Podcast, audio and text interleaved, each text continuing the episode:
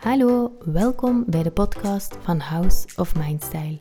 Mijn naam is Astrid en ik neem jullie mee in mijn verhaal als ondernemer en in mijn zoektocht naar persoonlijke ontwikkeling. In deze podcast zal ik je tips en tricks aanreiken die jou kunnen helpen om jezelf graag te leren zien, sterker in je schoenen te staan en jouw dromen en doelen te bereiken. Om zo uiteindelijk het leven te leiden dat jij wil en niet het leven dat anderen van jou verwachten. Ik vertel je ook uit eigen ervaring hoe ik ervoor zorg dat ik als persoon steeds blijf groeien. Vandaag in de podcast Hoe leef ik mijn eigen leven en niet dat van een ander?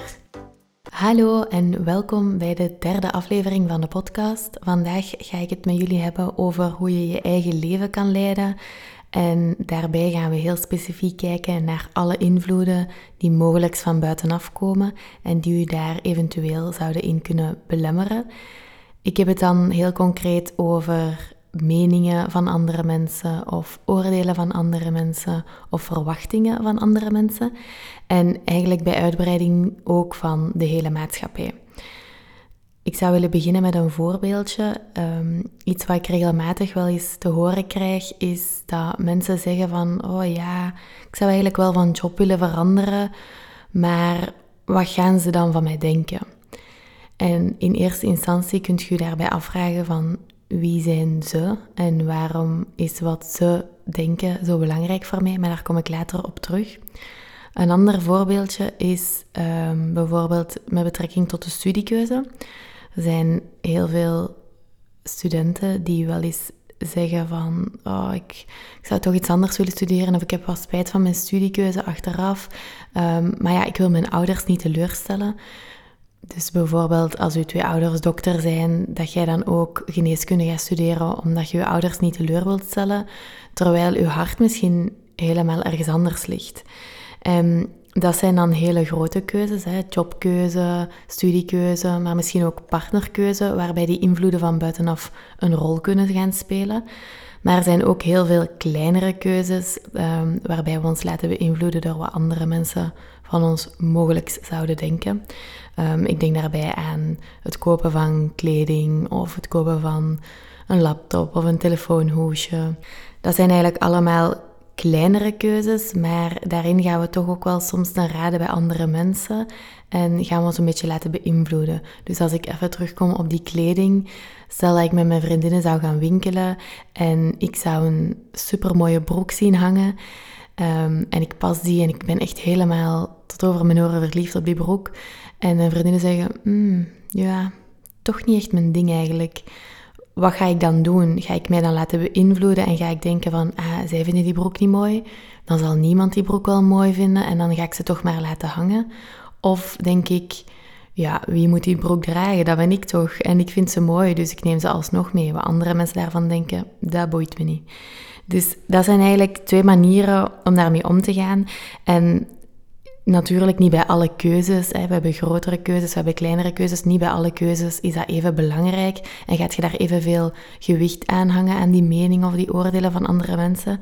Maar het is toch belangrijk om dat eens te gaan bekijken hoe dat precies allemaal um, ja, in elkaar zit. Om te beginnen wil ik ook even zeggen dat niet alle invloeden van buitenaf per se negatief zijn of per se belemmerend zijn, wat eigenlijk een beter woord is. Hè? Um, omdat een invloed aan zich natuurlijk niet positief of negatief is, maar het is de impact die het op u heeft. Gaat u tegenhouden om dingen te doen of gaat u net motiveren en stimuleren om dingen te doen? Um, op bepaalde punten kan het net heel verhelderend zijn dat iemand anders eens zijn mening geeft of zijn inzicht. En gaat je misschien daardoor je mening of je keuze die je moet maken wel kunnen aanpassen, omdat je vindt dat die andere persoon wel een punt heeft.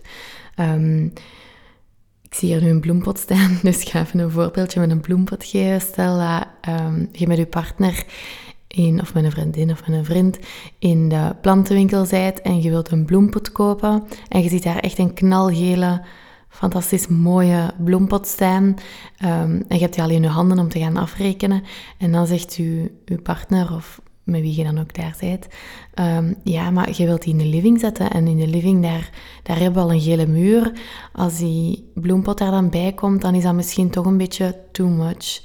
Waar dan je denkt van, ah ja, misschien ga ik dan toch beter voor de grijze gaan, want die past hier niet helemaal. Dus iets waar je zelf nog niet aan gedacht had, bijvoorbeeld, een ander inzicht dat het u oplevert, dan kan het net positief zijn dat iemand anders, of helpend zijn dat iemand anders um, is zijn licht laat schijnen op de situatie. En dan kun je perfect je keuzes uh, laten aanpassen.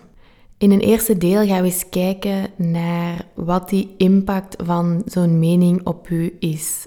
Um, het is heel belangrijk om daar een onderscheid in te maken. Wat is de impact op mij? Waarom vind ik dat zo belangrijk dat mensen mij leuk vinden of vinden dat ik wat ik doe, dat dat goed is. Um, om dan in tweede instantie te gaan kijken van ja, oké, hoe kan ik daar nu mee omgaan? En de eerste vraag die je dus moet stellen, wat ik net al zei, wat maakt het zo belangrijk voor mij dat ik geliefd wil zijn of dat ik handel naar de verwachtingen van andere mensen. Um, is dat doordat ik uh, onzeker ben, doordat ik geliefd wil zijn, doordat ik uh, andere mensen wil gaan pleasen en hen, altijd te geven wat zij willen? Of heb ik die bevestiging nodig dat ik goed genoeg ben? Zoek ik dat bij andere mensen? Um, en ook een stukje hecht ik meer waarde aan de mening van iemand anders dan aan mijn eigen mening. Um, dat zijn eigenlijk allemaal redenen waardoor jij u dat zo kunt gaan aantrekken wat andere mensen vinden, voelen, denken. En als je heel blij zou zijn met jezelf en je zou trots zijn op wie je bent en waarvoor je staat en hoe je eruit ziet en wat jij mensen te bieden hebt, dan gaat je je veel minder snel laten afbreken of dat gaat veel minder snel binnenkomen wat andere mensen van je denken dan als je een heel onzeker persoon bent. Want dan moeten mensen eigenlijk bij wijze van spreken maar eens blazen tegen u en je valt omver. Wat er soms kan gebeuren doordat wij schrik hebben of um, ja, bang hebben van andere mensen hun mening, is dat we daar op voorhand al gaan op anticiperen. Um, we gaan onze gedachten en onze gevoelens niet vertellen, maar we gaan al eigenlijk interpreteren in iemand anders zijn plaats.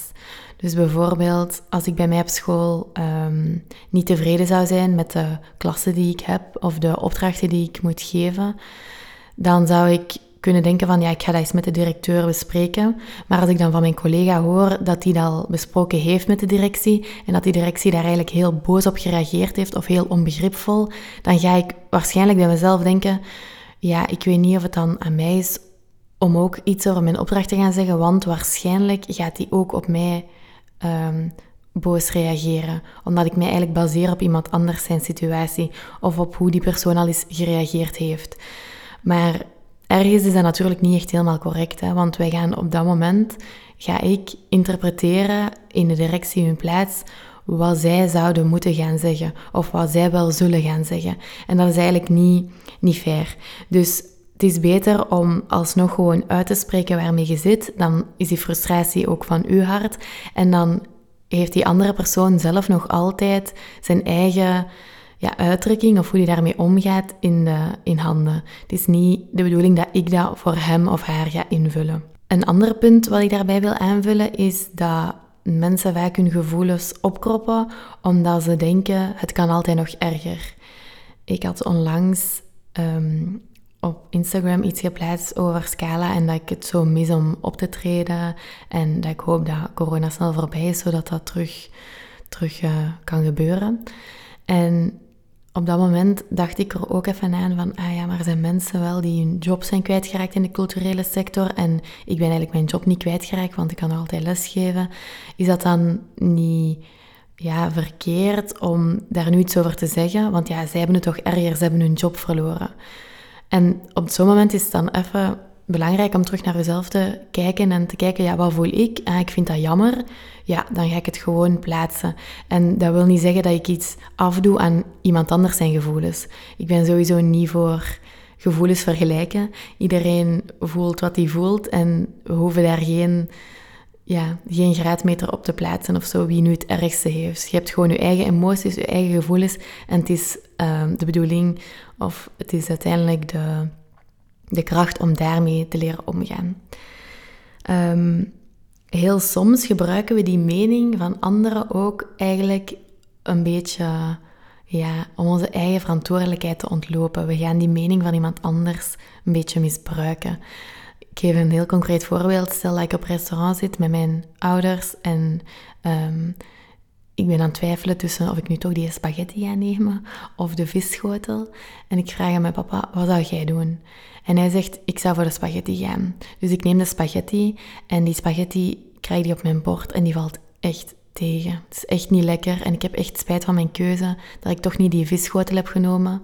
Maar in plaats van dat ik dan denk van, ah ja, ik had een andere keuze moeten maken, dan ga ik eigenlijk ehm, die schuld op mijn papa steken, want hij heeft mij aangeraden om die spaghetti te, nemen en dat valt nu tegen. Dus soms moeten we daar eerlijk over zijn, gebruiken we dat ook om onze eigen verantwoordelijkheid een beetje te ontlopen. En eigenlijk die impact van meningen, het is heel belangrijk om daar voor jezelf eens te gaan kijken wat maakt bij mij persoonlijk dat ik bepaald gedrag wel of niet ga vertonen op basis van wat andere mensen mogelijk zouden kunnen denken. Want die mogelijk, dat vind ik nog wel belangrijk om daar even bij aan te vullen. Um, zoals ik daarnet al zei, we kunnen niet in iemand anders zijn plaats gaan interpreteren, maar we kunnen ook niet in iemand anders zijn plaats gaan denken. Um, we kunnen niet weten wat iemand anders denkt. We kunnen niet weten wat iemand anders voelt, tenzij die dat onder woorden brengt. En dat is heel belangrijk dat we dat wel altijd in ons hoofd houden. Het is niet omdat wij denken dat iemand anders ons dom of dik of lelijk of weet ik veel wat vindt, dat dat ook effectief zo is. Het is niet omdat uw gedachten u dat vertellen dat dat de waarheid is. Die zoektocht naar kijken waarom dat voor u zo belangrijk is, dat is iets heel persoonlijk. Ehm, ik zou zeggen, ga daar zeker mee aan de slag, want daardoor leert je altijd je eigen handelen beter begrijpen. En dat kan u alleen maar uh, ja, veel gemakkelijkere situaties opleveren in de toekomst. In tweede instantie wil ik dan gaan kijken met jullie, hoe ga ik daar dan mee om? Oké, ik weet dat het belangrijk is voor mij, of dat ik er ja, eh, waarde aan hecht, was dat van mij denken, maar hoe ga ik daar dan mee om? En eigenlijk waar je mee moet om leren gaan, is een soort van angst. We hebben schrik of we hebben bang van mensen die iets gaan denken of iets gaan voelen of iets gaan zeggen of iets gaan verwachten van ons. En hoe je dan met die angst kunt leren omgaan, dat is eigenlijk heel simpel gezegd door die angst aan te gaan. Want door altijd uw angst te gaan vermijden of altijd veiligheidsgedrag gaan te vertonen, um, daarmee bedoel ik dus, ik geef altijd maar wat andere mensen van mij verwachten, want dan kan ik ook geen kritiek krijgen. Dat is eigenlijk veiligheidsgedrag. Ik ga, ga altijd maar doen wat ze, wat ze willen, want dan kan er met mij niks gebeuren. Um, dus die angst aangaan is heel belangrijk. En ook te gaan kijken van wat is precies mijn angst? Is het mijn angst om kritiek te krijgen? Is het mijn angst om niet geliefd te zijn? Waar zit dat voor mij? En als we dan gaan bekijken van, oké, waarvoor heb ik dan schrik? Een mogelijke optie is de mening van iemand anders. En dan moet je zelf uh, ja, eens even de vraag stellen over wat het dan precies gaat. Een mening, dat is zoiets vluchtig. Um, je kunt je soms wel indenken, als ik dan even teruggrijp naar het voorbeeld van daarnet over die broek. Um, stel dat ik die broek dan koop en iedereen vindt die lelijk, ga ik die dan laten liggen voor mensen die mij in het straatbeeld zien en die dan denken, amai, wat heeft die nu aan? En dan gaan die, lopen die twee meter verder en dan zijn die daar al niet meer mee bezig. Ga ik mij daardoor mijn genot van die mooie broek, die ik wel mooi vind, laten ontnemen? Um, Mensen zijn veel meer met zichzelf bezig dan dat ze met u bezig zijn. En je ligt onder niemand zijn vergrootglas zo groot als onder dat van u. Want iedereen is zo met zichzelf bezig en dat is eigenlijk ook ergens, kan u dat misschien wel opluchten, want niemand kijkt zo naar uw fouten of naar uw dingen waar je nog in kunt groeien met zo'n grote ogen of zo'n vergrootglas dan jij dat zelf doet bij je eigen. Je kunt u ook afvragen, stel dat die persoon waarvan je dan niet weet. Hè. Als je iemand tegenkomt in het straatbeeld en die denkt, wat heeft hij nu aan? Dat staat niet op die hoofd. Die gaat dat waarschijnlijk ook niet uitspreken. Dus 9 van de 10 weet je dan niet eens dat hij dat lelijk vindt. Um, dan kun je afvragen van, ja, en dan? Wat als hij dat lelijk vindt? Wat is het ergste dat kan gebeuren? Dat mensen op straat vinden dat ik een lelijke broek aan heb? Ja. Ga ik het daarvoor laten? En de laatste ding dat ik daarbij wil zeggen is, heel veel van die veroordelingen die van andere mensen komen, dat, is, dat zegt meer over die andere persoon dan over u. Dat klinkt gemakkelijk gezegd, maar zo is het echt wel. Dat is iets giftig van die andere persoon en je moogt dat ook eigenlijk bij die andere persoon laten. Dat is zijn issue en hij moet daarmee, of zij moet daarmee leren omgaan. Hoe ga ik daar dan mee om?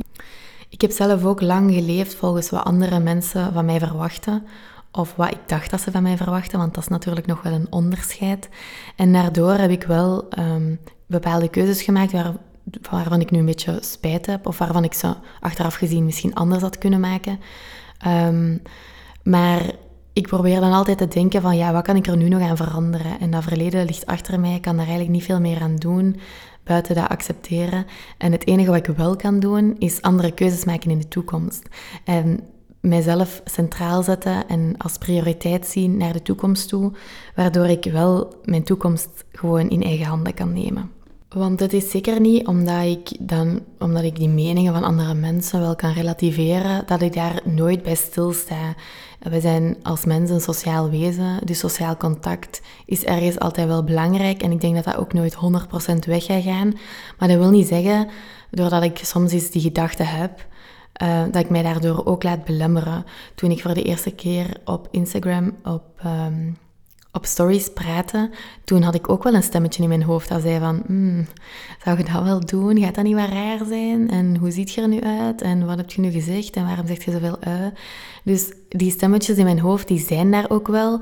Maar alsnog um, kan ik wel relativeren en die er laten zijn. En alsnog die story gewoon uploaden en doen waar ik naartoe wil gaan. Hetzelfde bij mijn opleiding voor life coach. Daar waren in het begin ook heel veel mensen, en misschien nu nog, hè, mensen die denken van, oh, dat is met kaarten leggen en dat is met mindfulness en dat is met allemaal zweverige toestanden. En hoewel er met al die dingen die ik net heb opgenoemd niks mis is, is dat niet wat ik doe. Dat is niet wie ik ben of waarmee ik mensen help. Um, maar dat maakt niet uit. Mensen hoeven niet altijd te begrijpen wat jij doet of welke keuzes jij maakt, zolang je zelf maar weet waar je vuurtje van gaat branden en waar jij naartoe wilt gaan. Um, daar is trouwens ook een boek over, Feel the Fear and Do It Anyway. Dat is eigenlijk wat ik met die cursus gedaan heb. I felt the fear and I did it anyway. En dat hoop ik dat ik dat ook vandaag een beetje mee aan u kan geven. Je moogt u bewust zijn van wat mensen van u verwachten, maar denk altijd even na, is dat ook wat ik van mezelf verwacht? Is dat waar ik naartoe wil in mijn leven? En als het antwoord daar nee op is, maak dan de keuze die u wel kan ondersteunen in het pad dat jij wilt gaan bewandelen. Een ander voorbeeld dat ik daarbij wil geven uit mijn eigen leven is het dragen van een fietshelm. Daar heb ik mij zo lang ook laten leiden door wat anderen mogelijk van mij zouden denken. En ik droeg echt 27 jaar lang geen fietshelm. Um, tot vorig jaar. Ik denk nu sinds een jaar dat ik elke keer een fietshelm draag. En ik ben iemand die bijna dagelijks fietst. Maar zo lang heb ik dat niet gedaan, omdat ik, ja, ik vond dat er belachelijk uitzien. En wat gingen de mensen wel niet denken als ik een fietshelm aan heb? En ik zie er dan toch niet op mijn mooist uit. En ik zie er nog altijd niet op mijn mooist uit met een fietshelm. Maar dat is ook niet waarvoor die fietshelm dient. Die dient ervoor om mij te beschermen als ik val of als ik onder een auto lig. En dat is voor mij veel belangrijker dan op dat moment het meest mooi uitzien dan dat ik zou kunnen zijn. Um, en daarmee ook, hè, er is eigenlijk geen goede reden om geen fietshelm te dragen. Daarmee zeg ik niet dat je een fietshelm moet dragen. Dat moet je zelf beslissen. Maar eigenlijk, als je daarover nadenkt, is dat gewoon veilig. En zou je dat eigenlijk gewoon, ja, voor je eigen veiligheid moeten doen. Tot slot wil ik het nog hebben over hoe je nu in je eigen kracht kunt gaan staan. Stel dat je wordt uitgenodigd voor een feestje en je wilt niet gaan. Hoe kun je dan nee zeggen zonder je daar nog ja, een week schuldig over te voelen. Of stel dat je had afgesproken om met vriendinnen te gaan eten en je hebt uh, die dag zelf gewoon heel veel aan je hoofd gehad en je hebt gewoon geen zin meer om s'avonds te gaan. Hoe kun je dan um, gewoon nee zeggen? Ik heb daar eigenlijk geen zin in, in plaats van excuses en smoesjes te gaan verzinnen om toch maar af te gaan zeggen. En een stukje heeft dat te maken met uh, assertiviteit. Hè? Durven opkomen voor wat jij voelt of wie jij zijt of wat jij wilt. En wat jij wilt, daarmee bedoel ik dan welke behoeftes hebt jij en welke behoeftes heeft die andere persoon in dit verhaal. Um, heel vaak zie ik dat behoeftes van uzelf worden ondergeschikt aan behoeftes van anderen. Um, je gaat toch toezeggen op dat feestje omdat je die andere niet wilt teleurstellen en je wilt dat die eigenlijk een fijn feestje heeft en die wilt u erbij, dus jij gaat dan maar gaan, want je geeft hem of haar wat zij van u verwachten. Doordat je je gevoelens niet op gelijke hoogte zet, hè, je eigen gevoelens en die van een andere persoon, gaat je altijd in situaties begeven waar je ongemakkelijk bent en echt in situaties terechtkomen waarvan je denkt van hoe ben ik er nu weer in terechtgekomen. Dus ja, heel belangrijk daarbij is om nee te durven zeggen en te leren zeggen. Daar zijn heel veel verschillende strategieën voor. Um, binnenkort lanceer ik mijn traject trouwens ook op uh, eh, 9 november.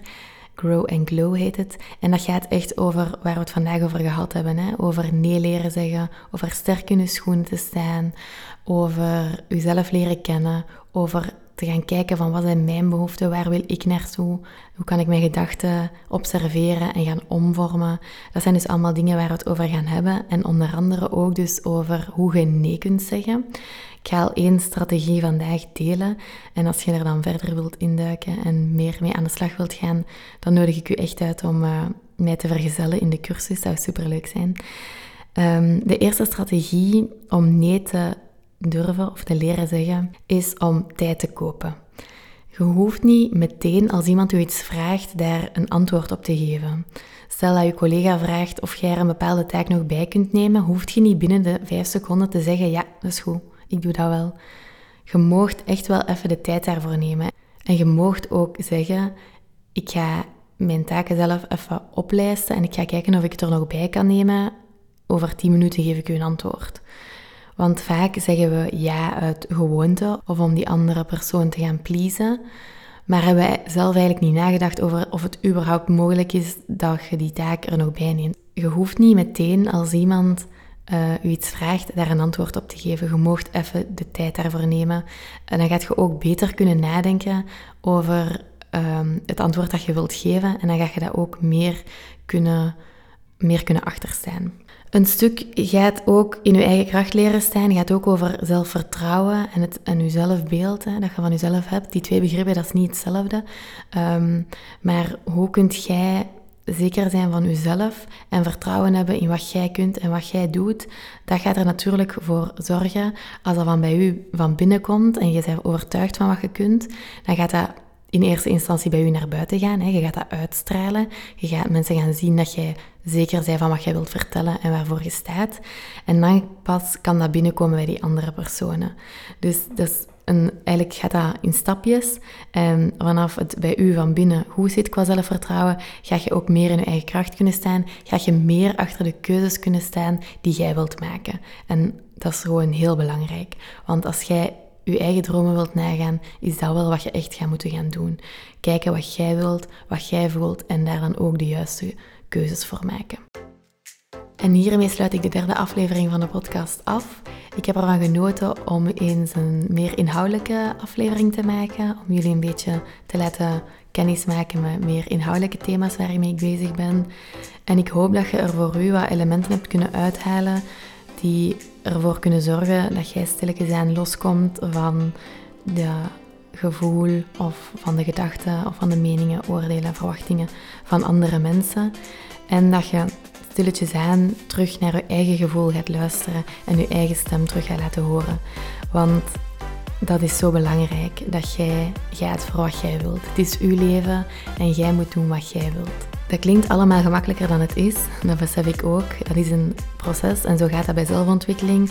Dat is geen proces van vandaag op morgen, maar het is heel belangrijk om elke keer dat je in zo'n situatie komt, terug even die gedachten te gaan observeren, te gaan kijken hoe kan ik er nu mee omgaan en hoe kan ik de juiste beslissing voor mij maken, voor mij en mijn leven. Um, ik zou willen zeggen, heb daarbij geduld, laat je ondersteunen, doe het stap voor stap.